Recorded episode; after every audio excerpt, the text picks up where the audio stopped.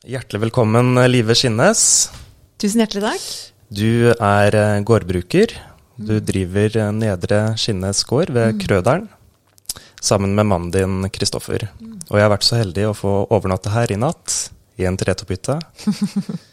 Og jeg har fått uh, arbeidet litt uh, på gården her. Så tusen takk for det. Tusen takk skal du ha. Ja. så jeg tenkte vi kunne begynne med hvordan dere endte opp som eh, gårdbrukere. Du, jeg er jo født og oppvokst på gården her, så det lå jo litt i korta fra jeg var liten. Det ble endring i odelsloven, jeg tror kanskje i 1979, om jeg ikke er helt feil, som Ja. gjorde at det var eh, hvilket som helst barn, det eldste, ikke bare den eldste gutten, som Ja. hadde odelsretten, da, som betyr at du, har den første, du er den første som blir spurt om du vil overta. Så fra jeg var helt liten, så har jeg egentlig tenkt at det er det jeg vil. Ja. Så møtte jeg Kristoffer på universitetet når vi begge studerte der, og da hadde han tenkt seg hjem til seg. Ja, hvor Men, er han fra? eh, Han er fra Rauland i Telemark. Ja. Eh, og så fikk jeg overtalt han til at eh, det hadde vært et bra liv her nede, og når det blei oss to, så passa det fint. Han er yngst av fire søsken der, så han skulle uansett ikke overta eh, gården han er fra. Men Ja. han har kjempemye både kunnskap og interesse og lidenskap for det. Så det var liksom bakteppet. Og så eh, flytta vi hjem hit og, og begynte med, med alt det vi gjør nå. Ja, så du fant deg eh, den mest skikkede mannen på universitetet som hadde gårdserfaring, til å Jeg dra syns- med til eh, ja. Jeg syns jo sjøl det, så jeg er veldig fornøyd. ja.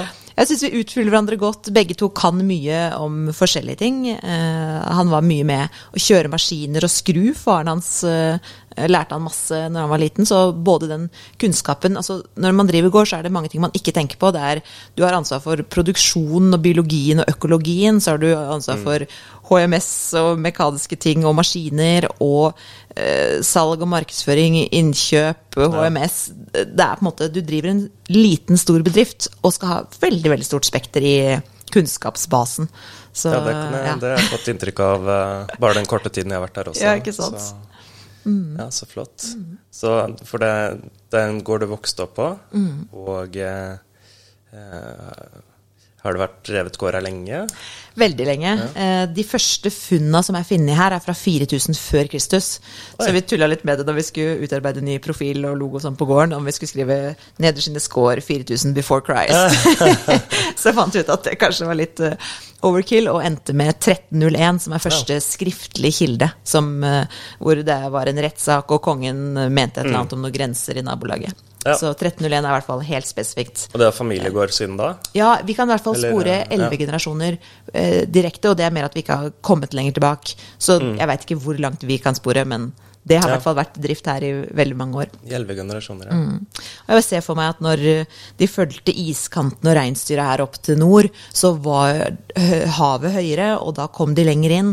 Og Ja. så var det her fertile grounds med vann og, og, Mm. og fint å å sette seg set, Settle down, holdt jeg på å si. Så Ja. mm. Ja, nei, det høres jo mulig ut, det. Mm. Så er det, det Du forventer at en av barna tar over, eh, kanskje? Eller? Altså, det er jo en sånn eh, ønske man selvfølgelig har, Ja. men det er veldig viktig at man virkelig vil det sjøl. Fordi så omfattende livsstil og hva skal man si, altgjennomgripende del det blir å drive en sånn ting. Det er ikke en åtte til fire og slutt å tenke på det når du uh, sjekker ut for dagen, på en måte. Um, du må ha djup passion for å eh, klare Ja. å stå i det og ville. Så hvis de har lyst, helt fantastisk. Hvis ikke, da får vi finne en annen løsning. Ja. Mm. Kanskje et uh, enklere liv, kanskje, på noen måter i hvert fall, hvis man ikke er bonde. Ikke så- sant? Men samtidig så er det så rikt og gir så mye, så du, Ja. du får på en måte Du gir og tar uh, på den måten der, da. Ja, Mm. er ikke sant.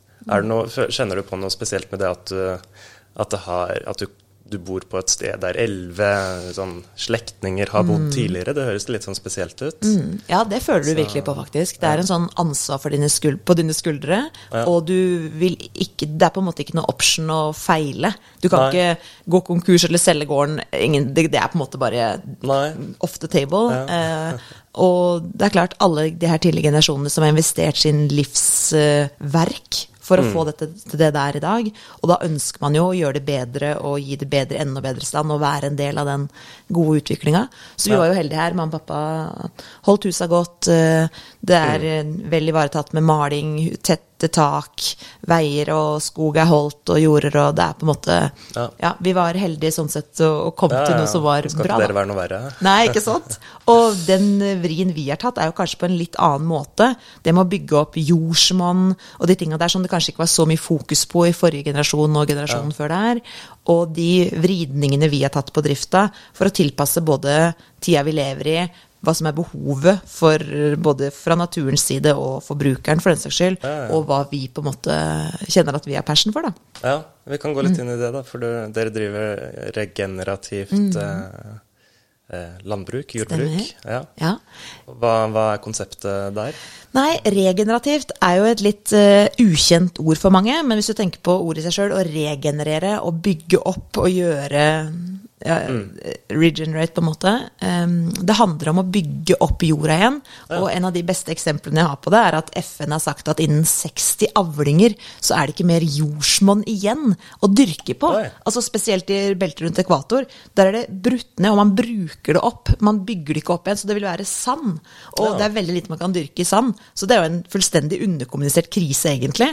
Eh, så vi bare eh, Ja, når vi ble klar over det, så ble det sånn wow, smokes.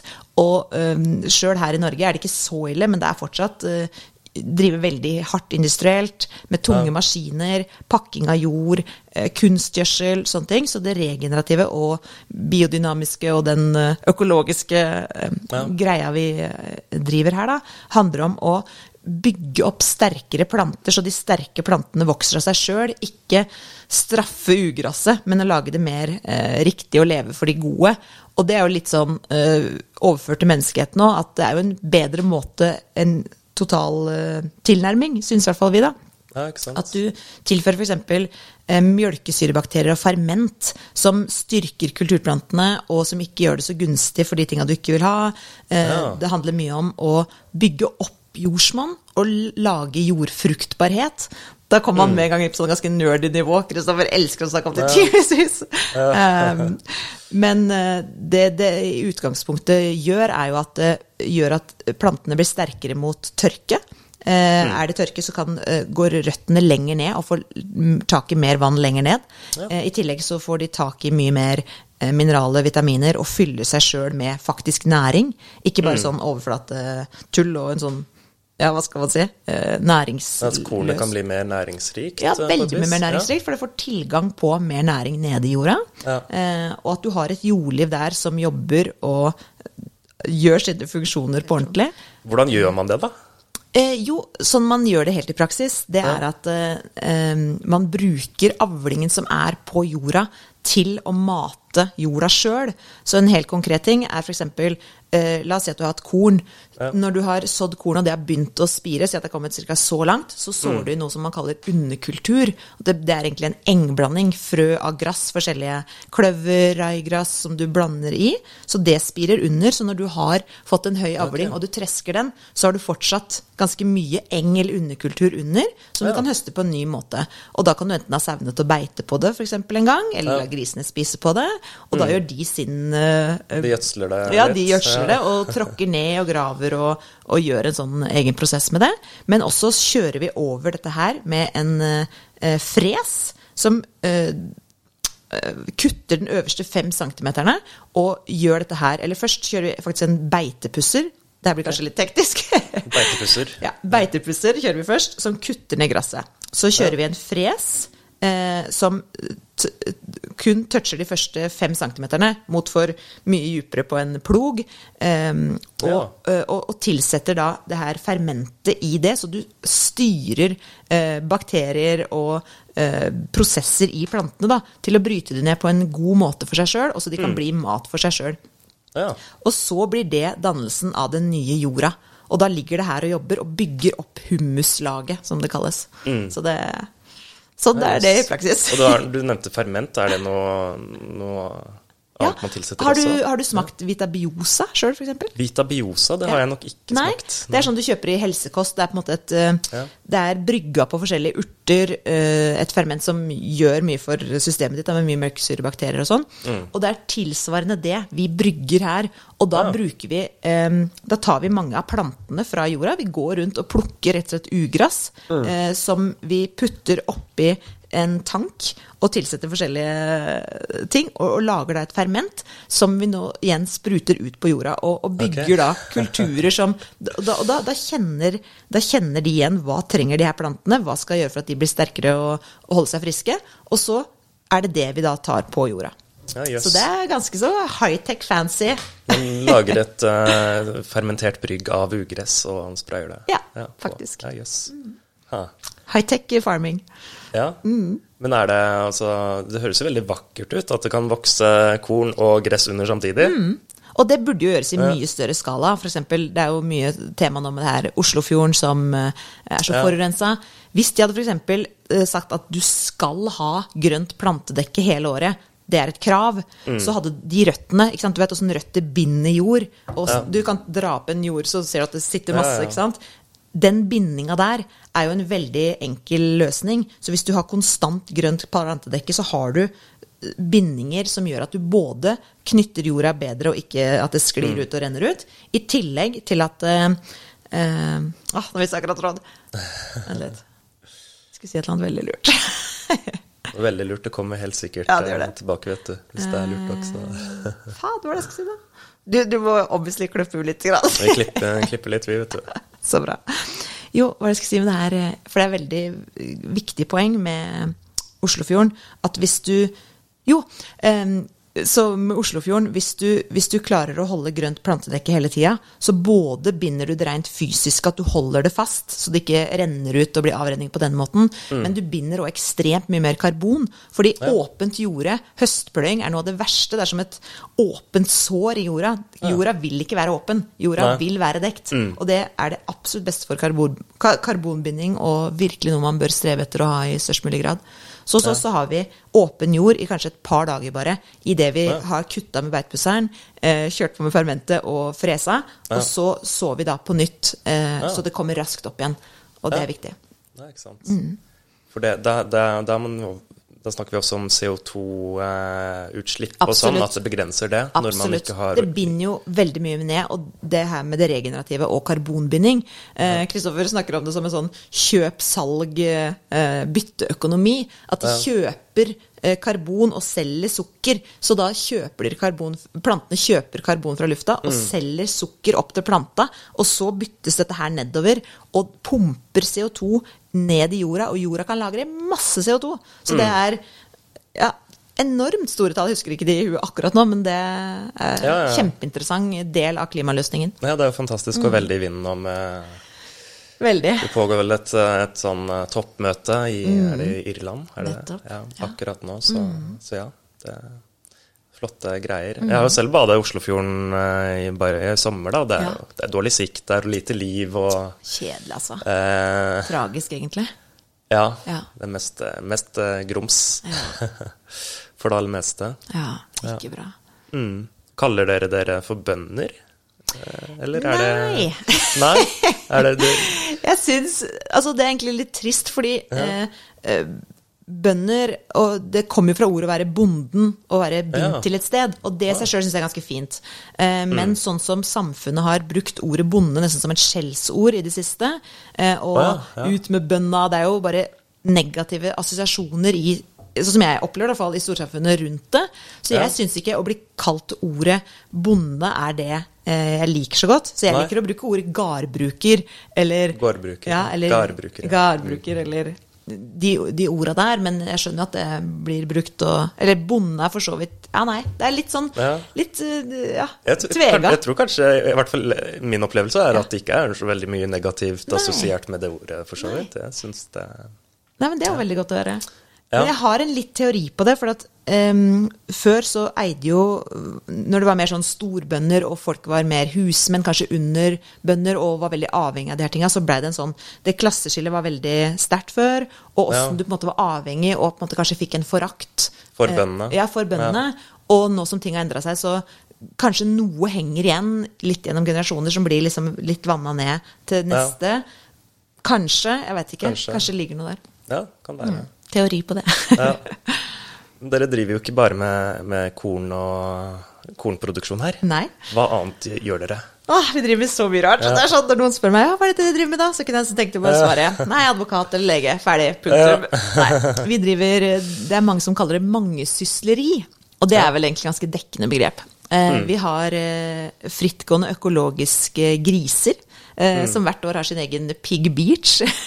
Så de bader i Krødderfjorden og spiser soyafritt, økologisk, norsk og nordisk basert fôr. I tillegg til det eh, på jorda. Sånn som nå eh, er det 100 griser rett nedover fjorden her. Og de har 90 mål kløvereng. Det er jo Ja. enormt mye. Et mål er jo ja, Veldig mye, Ja. ja. Så, så de er der. Så har vi 80 vinterfòra sauer. Eh, vinterfòra sauer vil si de antall mødredyr du har med gjennom vinteren. Ja. Eh, og de får ett til to til tre lam hver på sommeren. Og så slakter man de på høsten. Ja. Eh, Det blir veldig mange på sommeren, da. Ja, det blir veldig mange på sommeren, så da sender vi de opp i skogen og går og beiter opp i skogen eh, rett bak gården her. Ja. så driver vi da med ur, urkornproduksjon, som vi var inne på, Ja. og er en del av en mølle som har steinmølle og selger i forskjellige Norgesgruppen-butikker, Reko-ring, nettbutikk, Mm. under økologisk spesialkorn Sigdalmølle. Eh, så driver vi med turisme. Ja. eh, har bygd opp et naturretreat, eh, som du var så heldig å få sove på Trettefitta i natt. Ja. Nede på en strand. Så prøver vi å knytte alt dette her sammen. Og gården, eller vi satte oss som mål i 2015 å bli verdens beste gård på eh, miljø, dyrevelferd og sosiale medier. Og det er et veldig big hairy goal, men eh, som man lærer på universitetet og alt sånn, sett deg mål, go for it. Og så tenkte vi ja, hvorfor ikke? Vi er en bedrift og en bransje som alle andre. Hvorfor skal ikke vi eh, tro vi kan det? Eh, så vi har satt oss det målet og har søkt på verdensmarkedet innenfor de sjangerne vi har. F.eks. på avliving av dyr så var det kjempeviktig for oss at hvis du skal bli best på dyrevelferd, så må jo dyret i absolutt alle ledd av livet sitt ha det kjempebra. Så vi, eh, våre dyr er jo En ting er debiomerking og den økologiske sertifiseringa, på en måte, men vi har prøvd å sette oss inn i dyras liv og rolle og tenker hva skal til for at det her dyret har det absolutt best mulig? Ja. Og se på de naturlige instinktene deres, hva er viktig for dem. Det er kjempeviktig å få grave, få tilgang på kunne ha ly og shelter hvis du trenger det. Mm. Du må ha tilgang på vann og mat og føle deg trygg. Og i alle flokker, så, i mennesker og dyr, er det ofte sånn mobbeoffer. Ja. eh, som blir. Og det ser vi spesielt på gris. De er veldig ferdige til å teste rang og slåss med hverandre. Det er sånn, De har 90 mål og fem store hus, fem fôringsautomater og da alt her gresset. Allikevel skal de knuffe på hverandre. Altså, Du kan se nede på Pig Beach. Det, kommer, det ligger en gris og, og tanner, liksom. Og soler seg. Og så kommer en annen. Og så Vi snakker store områder her. Og bare du, flytt deg, her ligger jeg. Så ble jeg sånn, really? Var det vitsen, liksom? Du kunne lagt deg ved siden av hvor ikke som var sånn der den akkurat har funnet seg, syns jeg var the only spot available. Men uh, det som er Ordentlig bøllete. Ikke sant? Ja. Bøllete. Men det som er viktig da, er at du har nok fôringsautomater, nok hus, nok område. Så hvis de vil teste rang og ønsker å slåss mot hverandre, så gjør de jo det uh, uavhengig av hva vi på en måte har gjort. Men hvis det Mm. er en som blir skikkelig mobbeoffer, da, eh, så har den mulighet til å trekke seg unna. Den har mulighet til å ligge i et annet hus enn de verste bøllene. Den har mulighet til å få mat og eh, gjemme seg og ikke Ja, ja, bli ja. angrepet. Og det er en veldig stor forskjell fra de her innegrisene, da, som gjerne står på fire ganger fire meter med Ja. betong og inngjerda. Det er klart, hvis du er et mobbeoffer i en sånn gjeng, så kommer du deg ikke noe sted. Og Nei. derfor blir problemer som halebiting og andre Ja. ja, fysiske skader da, på dyret, som vi ikke har noe av i det hele tatt her. Fordi vi eliminerer ved driftsformen eh, de problemene som kommer. Og det at de kan bli litt aggressive. Eh, grisen har et veldig sterkt behov for å grave med nesene sine, og det er en stress releaser for grisen. Ja. Så får den ikke gjort det, så vil den måtte sette seg mye mer i kroppen dens. Mm. Og det får den gjort til de grader her. Den er jo en bulldoser og endevender alt, så ja. Pløye i marken. nesten. Pløyemarken, bokstavelig talt. Så det er interessant å se når du legger til rette for um, dyras naturlige uh, måter å være på, hva slags gode følger det får, da. Ja. Mm. ja, så flott. Nei, men du, det var jo er det to, to år siden, første den dokumentaren på Ja. Brennpunkt kom. Stemmer. Ja. Jeg så jo den, da, den første. Så Mm. kom det vel en ny i våres, eller i, i fjor. Den, eh, den bare gadd jeg ikke se. Det er jo helt for jævlig. Ja. Ja. Nei, og jeg håper og tror virkelig at det ikke er det generelt representative for bransjen. Jeg kjenner flere grisebønder som jeg veit er veldig ordentlige folk og, og gjør ting ordentlig, men det er sorte får i alle bransjer, og i den bransjen er det kanskje lettere for at det blir sånn. Og Nei, det er, det er ikke noe annet å si at det er djupt tragisk og forferdelig. Og systemet vårt er rett og slett ikke godt nok i seg sjøl. Eh, lagt opp for dyra. Det er sånn som resten av samfunnet. Det er profitt, profitt, profitt. Ja. Og så hvordan kan man løse ting i praksis etter det? Og jeg tror det her Hele konseptet blei litt sånn etter hvert ved at man hadde noen griser ute. Si at en gård hadde en to-tre griser som gikk rundt. Ja. Og så grisa de fælt. Er jo ferdig til å grise, bokstavelig talt. Og så kanskje de tenkte nei, hva hvis vi kanskje setter de på en betongplate, så blir det ikke så mye gris. Og så bygger vi et fjøs rundt, så er det litt varmere når vi sjøl skal stelle dyra. Og så eskalerte dette her, og så er det klart det er lettere å holde rein betong inne sterilt, når du kan spyle ned med sterke vaskemidler og desinfisere eh, for sykdom og den slags. Du kan på en måte styre mye mer prosesser når du har lagd et eh, hva skal man si, ja. Sånn som på sykehus, ikke sant. Du kunne ikke hatt like et feltsykehus eh, i the wild versus eh, ja, proft, ny, fancy. Du har kontroll på andre ting. Eh, så Det blir Nei. ikke helt på dyrenes premisser, det Nei, blir på våre premisser. Det er akkurat det, og det er der jeg tror feilen ligger. Så det er kanskje den store forskjellen vi har gjort her. Da, at vi har på en måte satt på oss hva er viktig for brillene gjennom Sett deg i det Sette linsen. grisesinnet. Jo, men faktisk. Og det har vi gjort på de andre dyra òg. Hva er viktig? Det med å få eh, sollys, frisk luft, eh, sunn, god mat, bevegelse. Det gjelder jo mennesker, det gjelder dyr. Og når du tar bort det, så tar du bort noe essensielt. Og hvis du da i tillegg klarer å bygge opp jorda, så jorda har næring og, og vitaminer og mineraler som kan gi noe til plantene som igjen dyra og menneskene kan spise, så er du inne i en helt annen eh, hva skal man si, circle of life, da, som Ja, vi blir, mener det er ser ut som en sånn sirkel som Ja, der liksom grisene gjør noe med jorda Ja, og det. kornet, og så får de litt sånn eh, kornrester ikke, Ikke sant? å spise. Nettopp. Og den ja. sirkelen der er veldig fin. Og det er jo det som kanskje er det mer Eller det er jo det mer naturlige. Det er de naturens egne økosystemer bygd opp under, i stedet for å Mm. bare la mennesket komme inn og, og trumfe gjennom. Ja, Mm. Spille litt på lag. Mm. Rett og slett spille, med lag, spille på lag med noen. Har du sett den eh, Jeg, jeg har i hvert fall sett en eh, NRK-dokumentar. Eh, Eller den, den er vel fra Amerika. Okay. Det lille livet på en Eller Ja, store The Biggest Little Farm. Ja, har du sett den? Jeg har sett ja. den. Det er, er det litt samme mm. konseptet de holdt på med der? Ja, akkurat samme. Fordi de, drev også fermenterte noe Mm. greier som de sprøyta ut. Og, Ja, det er superskjønn film for øvrig. Han er jo filmskaper, han ene som eh, Ja. en av de to i paret. Nei, ja, det er akkurat samme. Det er regenerativt. Mm. Og på samme måte, nå har de gått litt mot med sånn markedshage og mer med grønnsaker og den slags, men det er akkurat samme grunnprinsippene med det regenerative. Bygge opp eh, jorda til styrke. Mm. La eh, Ja, eksempel hvis du har en, en eh, vekst, så setter du en vekst som kanskje tiltrekker seg eh, insekter som beskytter den ved siden av seg, i stedet Ja. for å sprøyte. Altså, man tenker på en helt annen måte. Eh, Ja. Så det er akkurat samme Det ble veldig komplekst etter hvert. Det er veldig komplekst. Hvis de innførte én ting, så fikk de et annet problem, og så måtte de løse det igjen. Nettopp. Og det, det, er, ja, det er akkurat samme her. Så vi ser nå eksempel, sånn helt konkret her, så har vi fått mye mer hønsehauk. Eh, Ja. ja. Og så ser vi òg et år det var veldig mye problemer med lus. Og naboene sprøyta av mass for å få bukt med lusa. Men så så Mm. du på vår åker, det var så mye marihøner.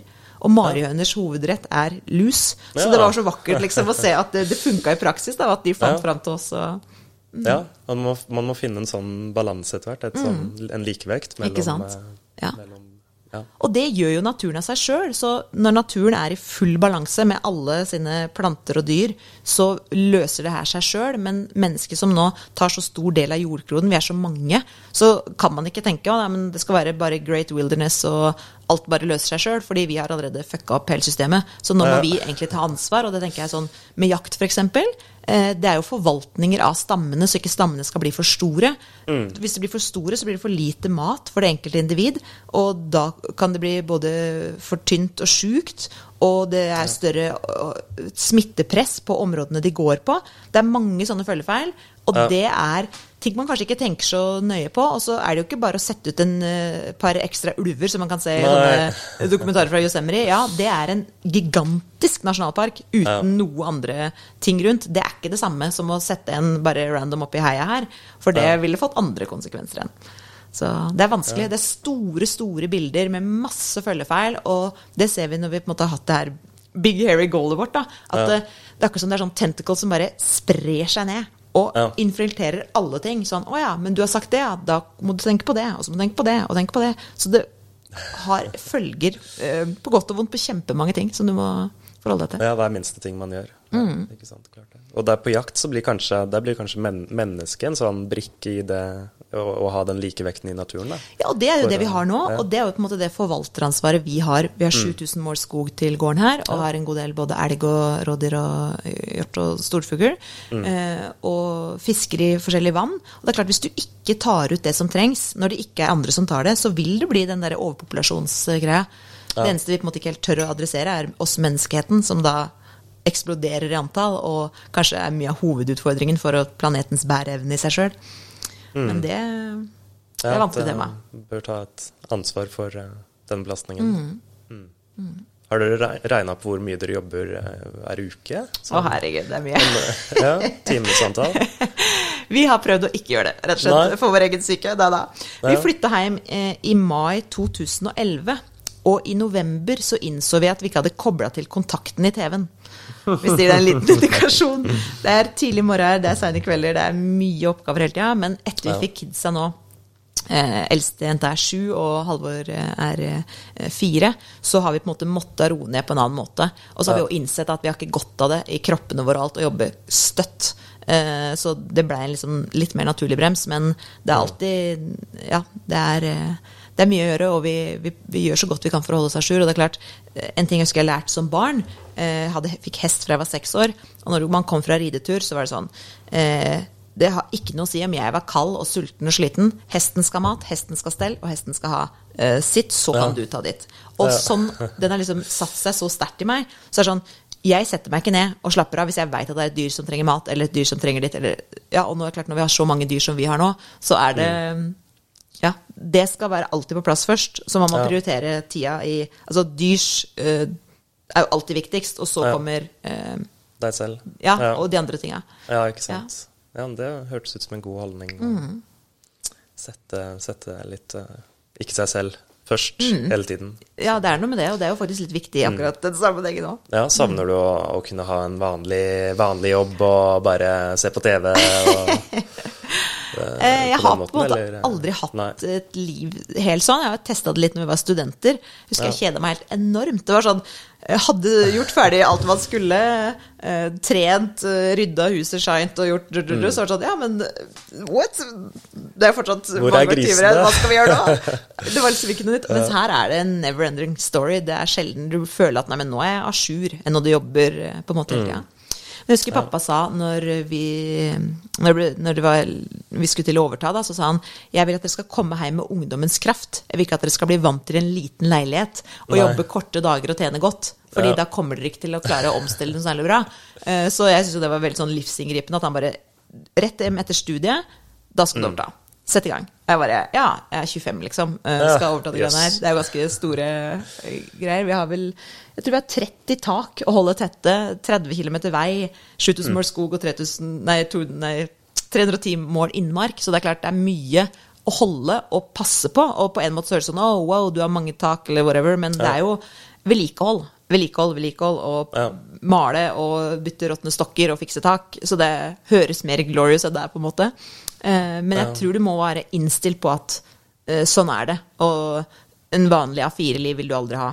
Nei. Ja, så det er klart det er kjipt å si nei til sosiale ting igjen og igjen og igjen for at du ikke du har ikke sjans til å komme fra. Nei. Men så har du et periode på året sånn som mellom nyttår og påske, hvor vi har det mye roligere. Og da kan vi jo ta Sånn som midt på dagen så kan vi gå en to-tre timers skitur i sola og bare ta noen timer på morgenen og eftan og se til dyr og ordne litt sånn eh, praktisk. Eh, og det er jo helt fantastisk. Som andre ikke har. Så jeg tror totalen i løpet av året balanserer Ja. seg fall litt ut. Det jevner seg litt ut der, ja. Hm. ja. Det er ikke så verst. Mm. Hva, hvilke dyr liker du best, da? Grisene eller sauene? Jeg er jo hestejente to the Ah, bone, så jeg må jo egentlig svare hest er eh, Ja. det beste dyret. At har hatt hest siden jeg var seks år. Ja. Så nei, å ha hest rundt og bare ha det i miljøet her Jeg rekker ikke ri veldig mye, men vi har, som du ser, gjerda inn eh, hestene så de kan gå her Ja. Mm. eh, utenfor kjøkkenet. Vi har lagd store innhegninger og bare ha de rundt og vite at de har god plass til å bevege seg på. eh, varm stall når de trenger det, nok mat. Og, Mm. og, og ha, ha det som en del av tunmiljøet betyr veldig mye for meg. Ja. Selv om Kristoffer kaller det livets dyre hagepynt. det er ikke noe hyggelig sagt. Eh, Men jeg syns det er veldig koselig med gris. Det er fine dyr, gode dyr, og Ja. sauene er kjempekoselige. Og jeg tror det er klart når de trives så godt og, og er i sitt naturlige miljø og virkelig får spilt ut sine instinkter, så får de en indre harmoni i seg òg. Og se det med at vi faktisk klarer å gi dem den livskvaliteten vi ønsker. øh, og ikke minst at vi får til stressfri avliving på gården. Og det har vært et kjemperigid system å få til det, for det er jo samme standarden som på store slakterier vi måtte ha for Ja. å bygge, for å kun få til avliving av lovlig her, da. Ja, yes. Og før gjorde man det jo hjemme på gårdene og dro ut grisen i trynet, tom, boltpistol, sjøkk, ferdig. Uh, og det var sånn alle gjorde det. Og så kommer de her nye regelverka, som for så vidt er bra. Uh, man skal jo Det er jo mange som skjønner og gjør ting ordentlig uansett, og så er det de som er ubrukelige uansett. Og derfor må du jo ha et for regelverk eh, for alle ting. Eh, og det samme gjelder jo òg innen dyr og slakting. Hvis du skjønner vanlig reinslett, så hadde du ikke hatt behov for så mye regler, men eh, ja, når det er, skal selges til andre, og mm, og matsikkerhet er jo veldig viktig. Ja, Mm. for da det er det en forskjell her hvis man bare skal Hvis dere bare skulle spist det her på gården, så hadde de ikke trengt å Nei, vi har lov til å slakte til ja. eget bruk. Ja. Eh, så da kunne vi tatt én gris eller to og Ja. Mm. en sau, liksom. Men eh, til salg. til salg, og så, som, i hvert fall så store som vi har blitt nå, så er det på en måte Det er ingen, uh, ingen mellomting. Så det eneste uh, Vi brukte det som et mobilslakt de første åra vi flytta hjem. Og det var et rundreiseslakteri, som er et genialt konsept, som går på hjul, da, kommer hjem på gårdene og slakter der de er, dyra er. Eh, men det ble nedlagt, ble gikk Mm. Konkurs, så det er kjempetrist. Det skjedde vel i 2016, 15-16. Så da telte vi veldig på knappene. Skal vi fortsette med dyr, eh, sånn som vi vil, så må vi ha den der avlivingsdelen på plass. For vi syns det er så viktig at de har ja, At de ikke skal bli sendt på bil i tre timer og gassa eh, sammen med andre. Ja, det var på en måte ikke noe option. Nei. Så da endte det med at vi bygde vårt eget slakteri seinhøsten 2018. Mm, Så det var eh, dyrt og styrete. Så vi tuller litt med at vi har satt liksom dyrevelferd er nummer én, to og tre. Og punkt fire er at det skal være praktisk gjennomførbart, og så er pris nummer fem.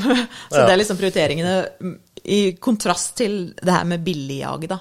Så, Og kundene våre setter så pris på det og sier det til oss at eh, det er, det er for det første, det smaker fullstendig annerledes. Det er som et helt annet kjøtt, for at de har ikke de fysiologiske tinga eh, som en stressa dyr får. Eh, I tillegg til den følelsen i hjertet at du veit at dette her har vært ordentlig all the way. Eh, hva det gjør, da. Ja, du fortalte meg i går at, at selv eh, noen vegetarianere spiser mm. grisene deres. Faktisk. Veldig mange vegetarianere er det jo pga. dyrevelferdsmessige årsaker. At de ønsker ikke å støtte opp om en hva skal man si, dårlig industri. da. Um, og de spesielt sier at vi kan haka på alle punktene på, eh, ja, Ja, på lista dem, så da det er ikke verst. Og det er både sauene og grisene dere slakter her. Ja, ikke sant. ja. Og datter hjelper til med, med redegjøring på slakteriet. Det var litt gøy du fortalte meg i går. Hvordan dattera Ja. di Liv, vår datter på sju år, eh, har jo fra hun var helt liten fått veldig innføringer. Sånn er det. På elgjakt, Uh, slakter Altså, de tar med barnehagen på elgslakting. Eh, når de har fått et dyr, så ringer de barnehagen, og så kommer barnehagen og får være med på å oppleve det. Så de får på en måte veldig raskt et eh, forhold til at sånn gjør man det bare. Og dette her, døde dyr, eh, er lik kjøtt. Og det tror jeg mange, sjøl voksne, ikke klarer helt å koble. De er sånn ah, 'Du er barbar som slakter, men jeg skal spise fredagstaco.' Ah, der var det ingen connection. Din kjøttdeig er lik døde dyr. De har bare levd annerledes enn våre, og du har ikke noe forhold til det. Samme som leverposteien og salamien og alt. Det er dyreprodukter. Sjøl smågodt har jo gelatin fra gris. Ja, det er. Det er så mange ting, så hvis du skal mene noe, og det er det jeg mener med det her helhetlige perspektivet, skal du mene noe, så får det følger. Og da får du enten stå for det, eller så får du være eh, mindre hylende i kommentarfelt om eh, meningene dine. Ja. Stå for det, eller shut it.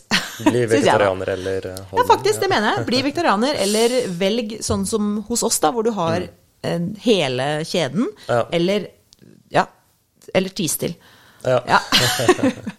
jo, men du veit jo åssen det er hylekor i kommentarfelt, og øh, folk, det er så dobbeltmoralsk. Hvorfor skal du sitte og mene noe hvis du, dine handlinger bygger opp om et råttent system? Ja, ja, ja. Det er jo sånn det er. Hyle, hyle litt, og så går man og jakter det billigste i butikken Ikke sant? etterpå. Ja. Og da bør du faktisk la være. Nei, eh, jeg merker at når vi er ute og reiser nå, bare det vi veit om antibiotikabruk i kjøtt Altså 80% av verdens antibiotikaforbruk blir brukt forebyggende i kjøttproduksjon. Yes. Det er sånn, Å bare graspe det tallet der, det er så sjukt. 80 Forebyggende. blir brukt forebyggende i mat. Det blir ikke gitt en sprøyte til en som er sjuk. Nei. Ja, nei, det, Let that soak, liksom. Det er helt sjukt. Og det er mange det- som peker på det som et sånn framtids kjempestort problem i Nett- framtiden. nettopp, Med da- resistens og ja. Nettopp, det er jo et kjempe Altså, det er jo krise hvis det skjer, og det er ikke usannsynlig at det skjer. Og da tenker jeg, hva med at vi i hvert fall Altså, grunnen til at de gjør det, da Hvis de gir antibiotika i fôr, forebyggende, så kan du ha flere dyr tettere. Du kan, Ja. du kan gjøre ting billigere, rett og slett. Sånn som det vi gjør her. Vi har ikke gitt en antibiotikasprøyte på ja, Vi ga vel to i sommer til to dyr som ble skikkelig sjuke. Ja, ja. Da hadde vi veterinær, de fikk de sprøytene, men før det hadde vi ikke gitt noe behandling på fire år. Mm. Til noe dyr. Og vi ja, ikke sant? Det er jo ganske utrolig. Det er superlavt. De får ingenting i fôret. De får ingenting annet enn ved veldig akutt sykdom, Ja. eh, som da er en engangssprøyte eller to. ikke sant? Ja, ja. Eh, som en menneske òg. Du ville jo tatt antibiotika hvis du holdt på å daue, men du foretrekker jo ikke å ta det hele tida. Hele tiden. Um, så nei, det er en del råttenhet i mange systemer som Mm. det vi prøver å vise i praksis, da, istedenfor å stå med pekefinger og si at det er dumt å ikke gjøre det sånn, så prøver vi å vise ja, men dette er jo en mulighet, sånn kan du òg gjøre det. Og vi syns Ja. folk bør gå ned i mengde kjøtt man spiser, men det man spiser må være skikkelig bra. Så ja, det jeg begynte med å si, var at vi, eh, vi er vegetarianere omtrent når vi er på reiser. Vi Ja. spiser ikke eh, ja, man, blir, man kan for mye. Man skjønner for mye, og du vet liksom oh. Og så En ting er når du er hjemme hos noen og ikke vil være frekk. Eh, Ja. Det er noe, og det er klart, det meste norske er veldig mye bra, men ute på reiser og i verden for øvrig Altså, du smaker det, du Nei, det er eh, Nei. ikke kult. Har du, er det noe du har kjent Eller eh, jeg ser for meg hvis, hvis du har, eh, skal på middag til noen venner eller noe sånt, er det Tror du de, siden de vet du er opptatt av dette da, og har så mye kunnskap om det, tror du de er litt eh, forlegne Ja. eh, angående maten de serverer, eller noe sånt, eller eh, Litt, faktisk. Ja. Eh, ja, siden du spør. Jeg tror eh, de veit jo hvor mye vi lever under det her og preacher det, så jeg tror de tenker seg om to ganger. Ja. de, de vil- serverer bare Ja, vegetarmat? ikke sant? Nei, men altså, det skal sies, norske modellen og det norske er stort sett veldig mye bra. Det er Ja. ikke noe uh, antibiotika i fôret norske dyr Mm. får forebyggende, sånn som det gjør i resten av verden. Eh, vi bruker minst antibiotika i hele verden per dyr. Eh, vi har veldig veldig mye på plass. Jeg er grunnleggende uenig i systemet at eh, vi skal gjøre det lett for mennesket og billig versus bra for dyret og la det heller bli dyrt. Men det er en systemfeil, det er ikke hver enkelt bondes feil. Og Nei. det som kommer, er stort sett bra.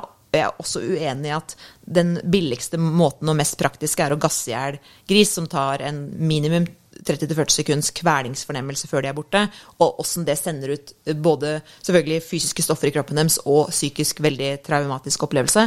Som jeg tenker at det, det, det fins metoder å unngå det her på. Eh, Men utover det så eh, er det jo veldig mye bra òg. Ja. Og mye kjærlighet til dyra. Mye, mange som mener veldig vel og gjør det veldig bra. Ja. Så generelt norsk kjøtt er jeg ikke Jeg sier ikke nei hvis jeg blir bedt i en vanlig norsk hjem, Ja. men uh, sånn typ Vi spiste på en restaurant uh, nede i Riga. Sånn superfancy, flott hotell med veldig sånn Wow, dette var- blir kult, for rundt fem-seks år siden. Ja.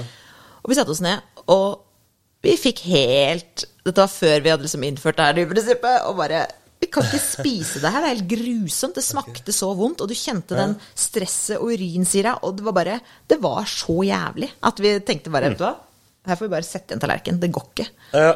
Og det er sjelden. så ja, jeg kan skjønne det, altså, når man kan, ha den kunnskapen. Og, Ja, men det er noe med det. Man, ja, kan du mye om en ting, så veit du òg ja, hva som kan være problemet i det òg. ja. Mm. Grisene dere har her, kan de svømme? De kan svømme delvis. De er ikke noe okay. glad i å få vann i øra. Nei. Men vi tuller litt med det at vi håper jo ikke at vi må dra til uh, Krøderen og hente de.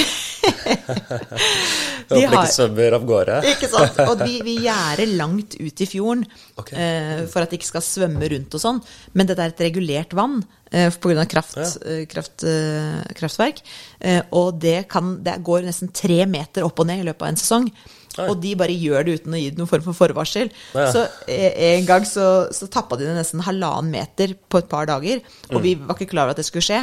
Og da hadde vi ikke gjerda langt nok ut, og da hadde vi griser som da tok seg en liten svømmetur rundt og var all over hele området. Så det var mye På frifot. Ut på frifot. I naboens jordbæråker og sånne populære ting. Yes. Gnafsa i seg litt uh, Å, ja. jordbær. Ja. Det er ikke bare bare. Har du sett uh, de eh, Er det, er det på Bahamas de også har griser? Ja. Har du sett videoer av bilder av de? Ja. Yes. Det er jo Pig Beach, så vi tuller litt med at uh, vi har Pig Beach Bahamas, og så har vi Pig Beach Skinnes. Ja. så det er morsomt. Ja, Skjønner du den stille historien der? Er de satt ut der? Levde, kom de dit naturlig? Det veit jeg faktisk ikke. Nei, jeg nei, vil jo kanskje gjette at de ikke kom dit naturlig, for det Mm. virker ikke som noe villgris. Det virker som vanlige domestiserte ja, ja. eller de har både noen rosa og noen som er litt mer Men det er, jeg tror ikke det er noe native eh, Nei. Nei, det skal jeg ikke si for sikkert. Jeg kan for lite om det. Ja. Det er gøy at vi har, har vår egen i Norge her. Ikke sant? Og det er spesielt når vi har store avisoppslag. og Vi hadde en, en film eh, på VGTV og en stor sak i VG hvor de Ja. satt på sånn Bahamas-musikk og filma grisene, både undervannskamera og de Å, som gikk rundt. Da fikk jeg masse anmeldelser sånn Tar dere imot bading på Pig Beach?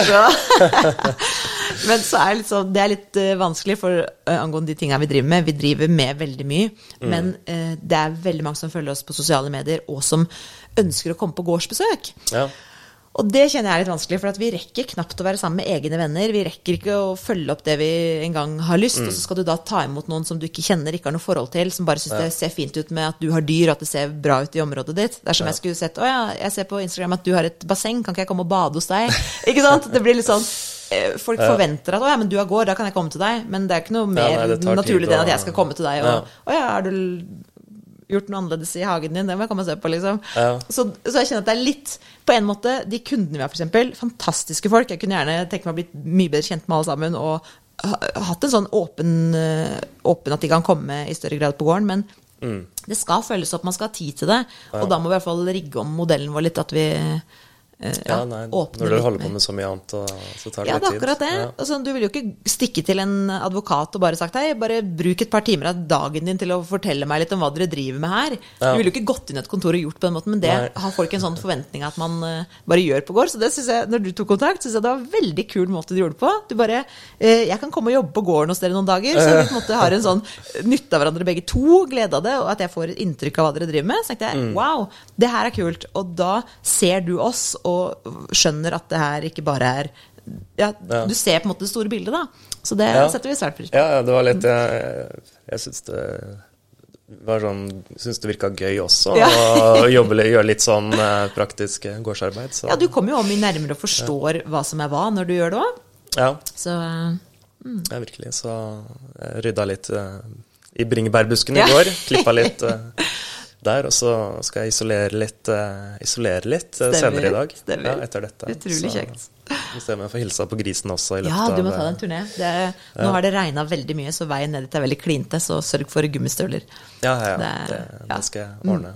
Har du, eh, har du, har du et sau, sauekall og grisekall? Har du det? Hva mener du da? At du kan kalle på dem? Å ja, lokking! Lokking? Ja, ja, ja, ja, det er klart. Er det forskjellig på sauer og griser? Eh, ganske likt. På sauene så sier vi 'Kom-kom-ra, sauene'. og når vi har litt sånn utenlandske frivillige som kommer, og så hører du som eksempel Antonio fra Spania i fjor som et ord. Eh, og det roper vi når vi fôrer de eh, litt eh, avrens og, havre og sånt fra egen gård. Så, så rister vi på bøtta, sier vi 'kom, kom', og, og, og fòrer de med det, så vi får de på ett sted i, forings, nei, i, i der de er. Og da ø, kobler jo de den lyden med den fôringa av det Ja. gode, som de syns er kjempegodt. Og når vi da kjører det ut i skogen og har trent på denne lyden hele vinteren, vi gjør det en gang i uka cirka, med fôringer, Ja. Eh, Så når vi står i skogen og roper 'Kom, kom, ra!', så hører du bjeller og galopp fra langt rundt alle steder, og de kommer til oss for å få da eh, mer kraftfôr, som de har programmert inn i hjernen sin at dette var positivt. Ja, ja. Eh, Så. Så gjør at vår sanking av sau går så lett. Vi bare står i innhegninga. Eh, altså De er jo på 70 mål i skogen her oppe, men de har en liten 30, kvadrat, nei, 30 måls innhegning. Eller liten og liten, 30 mål er jo en del. Men eh, som de har som base, da. Hvor Ja. vi har saltsteinfòring, og sånn at de kan være for seg sjøl fra resten av ja. skogen hvis de vil. Og da kommer de inn der eh, i løpet av én til to dager. Fra hele det området, når vi lokker. En til to dager. dager? Ja, de kommer jo Ja. gående fra alle steder. Og Ja, når de hører oss da, så Så bruker de én til to dager? Ja, ja. Ja. Ja, nei, men De er jo fra 70 mål, det er jo mye. Ja, ja, ja, ja. Ja, yes. nei, ikke 70, 70 000 mål. 70 000 70 mål. 000 mål, ja, Mellom her og nabokommunen. Så de Ja. Og så er det ikke alltid, vi får jo ikke ropt på 70 000 mål på likt, så vi må, jo, vi må jo kjøre rundt og rope, og da kommer de tilbake til, det, til den innledninga. Ja. Men sauene, nei, grisene det det har, vi har ikke lokking på den på samme måten. Vi tulla litt med det. Vi hadde innspilling med Truls Alla eh, Mm. I, i, i eh, september, og da sa de ja, kan ikke dere lokke liksom, grisen ned på Pig Beach? Og Kristoffer og jeg så på hverandre sånn ja, dette kan enten gå kjempebra eller ikke i det hele tatt. og vi bare kom, kom fra grisene, nå skal vi på Pig Beach, badetid! Og de bare wait, this was fun! Fulgte etter og var med, så det var jo kjempemorsomt. Så da funker det. Men de skal være i humør. Men de er nysgjerrige av typer og syns det er gøy når vi kommer ned. Og vi er jo nede der eh, mange ganger om dagen for å nettopp gjøre de vant til mennesker. Domestisere dem, rett og slett, så ikke de blir sånn ville. For det er klart, Ja. når vi skal gjøre avlivinga på beite, én og én gris, så må ikke de oppleve oss som skumle. For hvis de tenker 'Å, person! Gikk!' Da er det jo stress. Ja, ja, De skal oppleve det som en normal ting, det som skjer, så de ikke blir stressa. Det er jo hele poenget. Ja, gøy. Det, det ble ikke filma, kanskje, det med Truls og Hellstrøm, når de lokka på grisene? Ble det det? Nei, jo, det ble filma, men de men kom ikke med. Jeg har Nei, sett de kom den ikke med. Nettopp, for de skulle Ja. egentlig bade med grisene på Pig Beach. Å, ja, Og så ja. syntes de at det ble for kaldt. Så de trakk seg fra det. Så det var derfor de heller valgte å spille ned med barnehagen. Så jeg bare You guys, come on! Men uh, det var det som var planen. Så vi var der nede, og uh, Truls bestilte faktisk en kvart gris. Å ja. så gøy. det var morsomt. Ja, Ikke Hellstrøm, altså? Nei, han Skulle gjorde ikke det, men han tok masse bilder med mobilen sin, så jeg tror han syntes det var kult. Og han uttrykte absolutt at han Ja. syntes det var veldig Hvem av de var det som ikke, ikke bada, eller som satte foten på badet? Nei, det var vel egentlig begge to. Det var begge to, ja. ja. Ja, Ok, Var det barnehagen til sønnen din som var Ja, ok. det var det. Mm. Kom der med eh, gråtass med henger og så på eventyr, og det hadde visstnok ikke vært spesielt morsomt. morsomt. Nei, de sleit litt uh, i, på den episoden å få barna i gang. Nettopp. Ja. mm. yes. For der um, Jeg fikk jo sove De overnattet jo også i samme tretopphytte. Ja. Så det er litt eh, artig. Mm. Nettopp. Og vi er jo den eneste i bygda her og i området som har eh, så- Eller den første, og nå er det én til, eh, som har lagd sånn her tretopphytte. Så det er litt kult å Jeg tror å overnatte i en kule i et tre, som du så, trestammen er der inne, og alle de store Mm. vinduene. Det er jo en veldig annerledes opplevelse. Så det er kult å um, kunne tilby det. Ja, ja. Det, jeg fikk litt sånn science fiction-følelse på Mm. Ja, den det. kuppelen. Ja. Litt sånn Dødsstjernen i Star Wars og, Ikke og sant? sånn. Kan koble til mange gode ting der når man ligger og drømmer. Ja. Så du eh, Hellstrøm og Truls hadde jo en eh, kokkeleringsduell. Mhm. eh, der eh, du ga den avgjørende stemmen Ja. som gjorde at Truls vant. Stemmer. Du visste at det var Truls som hadde laget den, eller? Ja, ja, vi så det jo med en gang på tallerkenene. Men så tenkte jeg eh, begge to smakte veldig, veldig godt. Og Ja. obviously, Eivind sin smakte jo fantastisk. Han er jo Ja. den han er. Mens Truls sin var så god, og den er jordskokkpureen altså, Ja. Hvis jeg skulle oppriktig talt valgt en av tallerkenene og gå og satt meg og, og, ta, og spist den, så hadde jeg valgt Truls sin. Og så tenkte jeg jeg kan Ja. ikke være sånn stuck up og Eivind er superkokk, ergo må jeg verge den. Nei, her må man følge hjertet. Det var Truls sin som var best. Sorry, det var det. Og vi satt og tulla med det før de kom inn og filma det, da. Ja. Så han, eh, han fiskeren syntes òg det samme som meg, at det var, det var oppriktig talt den beste. Ja. Og han eh, som var sjef på, Ja, på fengselet der, han bare Uh, jeg kan ikke svare på det spørsmålet, og uansett så ville det vært social suicide for meg sagt noe annet. så vi lo og tulla fælt. Men de var kjempegode begge to. Og han virkelig lært ting, altså. Så det var uh, ordentlig gøy. Ja, gøy. Men han var jo litt snurt etterpå. Mm. Ja, han var litt snurt, men det tror jeg er litt en del av showet deres. Jeg tror ikke han var snurt på ekte. Så Nei, nei. Han, eh, han går vel inn i en slags rolle. Det er veld, veldig kul. Jeg har sett en del på de programmene, faktisk. Jeg ser litt på TV, da. Så. Mm. Ja. Nei, og de, de, de har veldig den der dynamikken seg imellom. Det, Mm. det var både med og uten kamera, det, altså. Ja. Og de sto jo her nede på, uh, ved siden av Tretepytta. Det var jo der de sto og, og øvde seg på å lage krepsallsaus og, og Ja. sånne ting. Og da sto jeg og så på de. Det, altså de klipp, på TV så klipper man jo ned det som tar kanskje en time, så får du se tre minutter av. Og de brukte jo ganske lang tid på å lage de her sausene. Eh, Mm. Og åssen de sto og, og var veldig sånn som du så for deg at dynamikken deres var, da. Ok, var så det, det var ganske autentisk. Ja, jeg vil si det. Ja. Mm. ja, men det er gøy. Det er sikkert lettere å, å gjøre det også, hvis man gjør det hele tiden. Så. Ikke sant? Og terge hverandre og ja, Ja.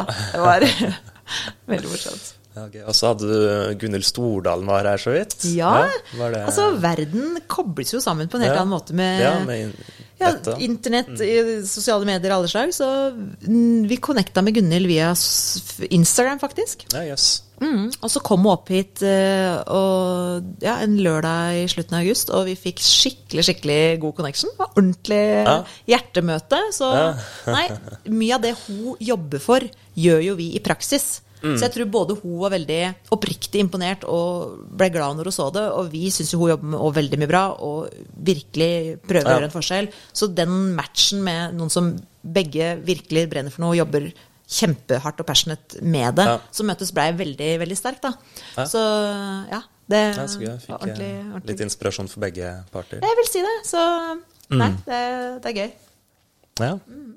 Og så har dere Jeg møtte jo disse kara som eh, Ja. bor her og jobber litt her i, i går. Veldig trivelige, Jo, eh, trivelige gutter. Mm. Så kan du bare si kjapt hva det konseptet er? Med Ja, det er et Woofer? helt uh, genialt konsept som heter WWOOFing. WWOOF, som står for Willing Workers on Organic Farms. Og det er en internasjonal nettside hvor da uh, per land man registrerer seg, og det her må man betale ikke en stor sum, men sånn 200 kroner for å, for å være registrert. Så det er sånn, Ja. det er nok til å luke ut de som bare ikke bryr Ja. seg. Men skal du ha en profil, så er det på en måte Du må logge inn og, og, og mene det. Ja. Og da registrerer gårder seg som trenger hjelp, og så registrerer de som har lyst til å woofe, da, eh, Mm. som det heter eh, seg. Og jeg kom over det her sjøl ved at jeg gjorde det i Australia. Jeg jobba både på en gigantisk eh, ku, kugård som hadde 4000 kuer, hvor vi rei rundt og gjette de.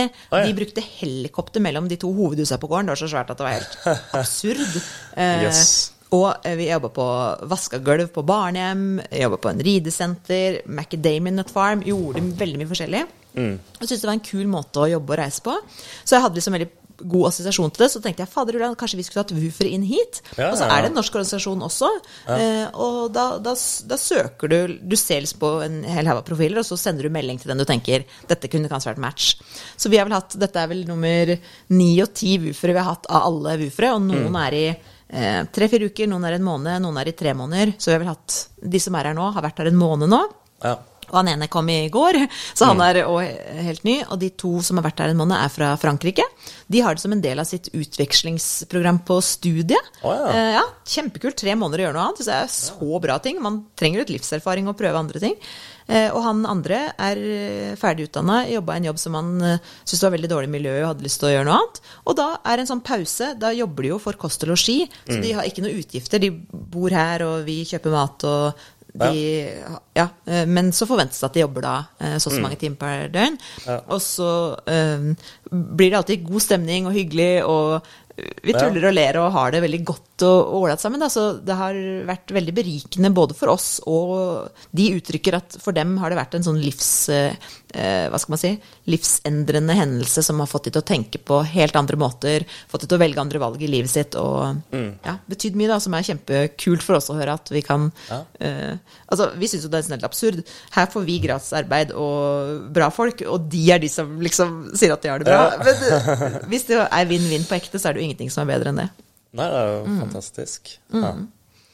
Og det er så mye jobb her, og det er ikke vært økonomi til å leie inn noen i det hele tatt. Så det har vært sånn krampaktig å få det til å funke, jobbe omtrent alle timer i døgnet. Vi har drevet her nå i ti år, siden 2011. Og de første åtte åra eh, Du vet sånn, FN har satt sånn nedre mål for økonomi, sånn hvis du er fattigdomsgrense eller ikke. På, tror jeg 240 250 000. Fordi sånn, Vi har ligget godt under 100, begge to. Ja, yes. Så selv om det ser fancy og flott ut, og det er godt eh, varetatt hus fra tidligere generasjon, så betyr ikke det god økonomi. Vi, Kristoffer er siviløkonom utdanna, jeg har en master i innovasjon, master i naturbasert reiseliv. yes. Vi har skills som skulle tilsi at det her kunne gå bra, men det har vært så sjukt hardt arbeid og mye jobb og, å kunne komme til der vi er i dag. Så i fjor, 2020, var første året vi eh, seilte opp over de kurvene man bør eh, seile på, Ja. og nå går det liksom bra. Så nå kan vi høyst sannsynlig neste år kanskje ansette en person halvtid, i hvert fall. Ja. Eh, og det blir jo veldig avlastende å slippe å ha ansvar for alt hele tida. Ja, altså, vi vil alltid ha ansvaret, men den, å gjøre alle ting. Og det er klart, woofere på en måte er det fantastisk. Samtidig Ja. så byttes de ut ofte fordi de gjør det som en liten periode i sitt liv. Ja, ja. Du bruker masse tid på å lære de ting, og så kan de det, og så reiser de igjen. Eh, og så må du begynne på nytt igjen, og det er veldig forskjell. Noen kan jo en god del ting, andre kan jo ikke opp ned på seg sjæl. Eh, ikke sant? Så eh, det er veldig, veldig hjelpsomt. Uh, men ideelt sett skulle man gjerne hatt en person over lang tid, da. Ja, Så jeg kan skjønne det. Var det altså 2020, kor koronapandemien, var det et, en god ting sånn for deres drift, eller var det dårlig, er det, eller er det ikke så lett å si? Det er litt vanskelig å si, men samtidig jeg vil si litt begge deler. Jeg Mm. tror noe av det som har vært eh, for vår del eh, eh, Timingen og markedet og totalbildet i verden vil jeg kanskje si at det er det som har eh, hatt mest innflytelse på at det har gått bra med oss. At vi har tatt strategiske valg, f.eks. det med at skal vi drive med dyr, så skal vi eh, bygge eget slakteri og være best i verden. Ja. Eh, Det setter jo på en måte en ekstremt sterk føring. Og det med klima, at vi fôrer soyafritt. ikke sant? At vi, Ja. vi, vi har så fokus på de tinga, og da tiltrekker vi oss folk som bryr seg om det. Og jeg tror ikke det serveres en happy pig eh, rundt bordet til noen gjester uten at det spesifikt fortelles dette er happy pig, og her bor det, og kom og se bilder og følg på Instagram. Så det, det blir liksom en sånn Du er del av noe eh, ved at du er del av det her. Eh, Så jeg tror ja, og ikke minst de her dokumentarene på NRK som faktisk får fram andre sider, da. Som Ja. vi er den rake motsetningen til. Eh, Bevisstgjør folk. Eh, og ja, kanskje under korona at man hadde mer Man kunne ikke reise, man kunne ikke gjøre så mye sånne ting. Kanskje man tenkte at nå skal jeg investere i å kjøpe kvalitetskjøtt og ha til, til vinteren. Og Ja. at man tok det såpass med ro at man ble klar over oss og kunne ha tid Mm. til mer. Så jeg tror den delen økte, samtidig som vi hadde akkurat åpna det her naturretreatet vårt med Ja. en eh, 95 kvadrats uh, yogashala lavvo. Ja. Uh, jo, så der nede på, på stranda hvor du har da eh, Og den uh, eh, Tretopphytta, utebadstua og hytt, hovedhytta har plass til Det er sju soverom inne, og du har god plass til tolv. Så Mm. en gruppe mellom ja, i hvert fall åtte og tolv er helt super. Og det var fullbooka fra mars 2020. Og det var da det åpna, for vi satte opp Tretopphytta i januar 2020. Ja. Og det hadde blitt masse bra markedsføring, alt var fullbooka, det så kjempebra ut. eh, til ut oktober, som er sånn Wow, Ja. for en start, ikke sant? Uh. Eh, og så bare Hold my bear, sa koronaen, og vi bare jævla Ja. Så det var skikkelig kjipt. Og da tapte vi hele våren, og siden vi da var Ah. helt nyoppstarta, så hadde vi ingen historiske tall å vise til. Ingenting. Du kunne på en måte si ja, men Ja, før har vi tjent Ja, så jeg bare Jeg har Airbnb-avtaler, jeg har Finn-chats, og jeg har liksom Mm. Alt liggende, men det var ikke godt nok. Det skulle være historiske tall i regnskap, og det var det ikke. Ja. Så det var, det var tøft. Men det er klart da, sjøl selv om alt var fullbooka, og alle booka av, så booka det seg fra midt i mai og ut eh, med nordmenn, som da var helt despo, på, og var klar Ja. for norgesferie. Ja, så de kom uh... Så det, det, det løstes. Altså det var bare et par måneder. Det var Ja. skikkelig, skikkelig tøft. Ja. Men det er klart, det, har du planlagt en viss uh, inntekt på ting, så f.eks. å kjøpe inn grisefôr, ikke sant. Det er ikke kult å ta opp ekstra lån for å kjøpe inn grisefôr når du hadde det booka, du hadde det klart. Så vi har kjent på mange følelser i det spekteret der at, som har vært tøft, altså. Ja. Og så visste vi jo ikke, ikke sant. Vår første reaksjon når koronaen kom, det var, det var et par ting vi husker vi gjorde. Jeg bare Shit. Shit hit the fan, hva gjør vi nå? Jeg bare Bestill diesel. Vi bestilte 6000 liter diesel, for vi visste da kommer vi oss igjennom sesongen. Fylle opp det vi har av alle ting. Og så tenkte vi med oss sjøl, hvis vi får aggregat og nok diesel, så kan vi faktisk eh, mate denne bygda gjennom ja. denne fasen. Og det var litt sånn litt ærefrykt og, og flott å, å føle på. Samtidig så er det sånn eh, Litt det vi snakka om i stad, at bonden ikke har så høy rang hos mange, da. Sånn, å ja, du er bonde. Uh. Det, jeg i hvert fall opplever det altså Når folk snakker til meg, det første de sier er sånn Hva, du er ikke bonde? Se på meg sånn, du for lyst hår. nei, nei, men de, de tror ikke det i utgangspunktet. Men utover det så har de kanskje et litt negativt syn på det, øh, dessverre. Eh, Men at vi da, i en krisesituasjon, faktisk kan være det som gjør at man kan klare seg. Nå kom det jo ikke til det, det ble jo ikke så ille, men det er jo ting som kan skje som er altså Korona er jo en mild krise, tross alt. Det var ikke Ja. 90 dødelighet og Nei, nei. eh, verden brenner. Men Nei, det det var mye ille i det. Men det var bare en interessant vekker på Oi, åssen har folk eh, rigga seg ting til for ting? Eh, og Mm. den beredskap generelt er jo ja, matsikkerhet og ikke bare frie markeder som teller. Og, ja, så jeg syns det var mye positivt som kom ut av tankerekkene i eh, koronaen. Blant annet sånn som et eksempel med Finland, som hadde holdt egenproduksjon og egenberedskap så mye høyere. Nå er de naboer Russland og ja, Man kan jo tenke litt om hvorfor de har gjort det. men de er jo rusta på en helt annen måte enn oss, som eh, stopper den komponenten, så stopper det. Og just in time-prinsippet funker når det flyter og alt er bra, men vi lever i en ganske usikker verden, så å, Ja. å være litt eh, ja, self-sustained på ekte Og det med gården her òg Oi, se, nå ble det veldig fint ute, forresten. Letter, letter tåka. Ja. Det er veldig vakkert her på høsten. Det pak eh, gården pakkes inn i en sånn tåkedis, og Mm. så letter den på sånn sakte måte, så du får da masse kule bilder i, i den her, og så blir det deilig blå himmel og Fantastisk. på. Ja. Ja, at det er en sikkerhet i, i gård, norske landbruk. Ja, det er jo det. Og det det tror jeg er på en måte litt sånn Nesten Man skjønner nesten ikke omfanget av øh, hvis man ikke virkelig går litt dypt inn i det. Mm. Nei, så, så artig at den, den tanken uh, traff Ja. litt ekstra. Jo, faktisk. Og Mm. så, jo, så var det det. Først var det sånn Shit, vi må bestille diesel, og vi må på en måte ha de tinga vi absolutt må, så vi kan fortsette øh, produksjon og, og sikre dyra, sikre mat, sikre alle de tinga der. Og så var neste Shit, nå taper vi så mye penger. Å, herregud. Uh, alt var planlagt. Ja, mange hundre tusen, liksom, som Mm. ikke kom inn. Uh, og da måtte vi omtrent låne penger for å kjøpe inn det vi trengte av ekstrasaker. Ja. Og da husker jeg jeg tenkte Ok, enten kan man gå i sånn krisemood, eller så må man løse det. Så i, i tillegg var kidsa hjemme fra barnehagen, for det var jo alle barnehagene Ja. stengt jo. Jeg sa til Halvor og Liv nå tar vi med niste, dere tar med de leikene dere har lyst. Så leiker dere i skogen rett ved siden av her, så skal mamma male. Og jeg Mm. Ja. malte 70 liter på 70 timer den første Oi. uka. Bare sånn derre Nå trenger jeg bare å cope med et eller annet. Og de leika og hadde det fint, og vi spiste niste og Ja. var rundt der. Og så, og så kom man liksom litt ovenpå og får litt annet verdensbilde, for vi visste jo ikke. Kommer folk til å ha penger? Kommer, å, kommer alle til å miste jobbene? Kommer ingen til å ha råd til å kjøpe Happy Pig? Ja. Åssen blir det? Så vi visste jo ikke på hvilket tidspunkt vil inntektene komme tilbake igjen. Så det er, vi får ingen subsidier, ingenting fra grisen. Eh, ikke noe på hyttene, ikke noe på de tinga, og veldig lite generelt. Så du har på en måte eh, ja, når markedsgrunnlaget ditt faller helt bort, da, så blir det jo som å nappe teppet under beina. Tjukk! Se hva som skjer. Ja, det blir litt krise da. Det blir litt krise, så det var Mm. ikke kult. Ja. Så- Det var bra nordmennene ville på ferie til Krøderen. Veldig, veldig veldig Så, bra. ja. Og nå, er- jeg tror at ved at mange har sett seg om, og hva finnes i Norge, så har mange innenfor bransjen som ofte kanskje reiser til utlandet, vært veldig til å se eh, hjem. Og da har veldig mange flere enn ellers oppdaga oss, da. Ja. Så det er kult. Ja. Og alt fra ledersamlinger i midtuke til yoga-retreats i helgene, så Mm. det har vært veldig bra bookinger i sommer òg. Du er ikke yogalærer, du? Er du det? Nei, nei, nei. Jeg er den som står bakerst og er eh, mest stiv. Så det, det er, jeg tror alle har veldig godt av det.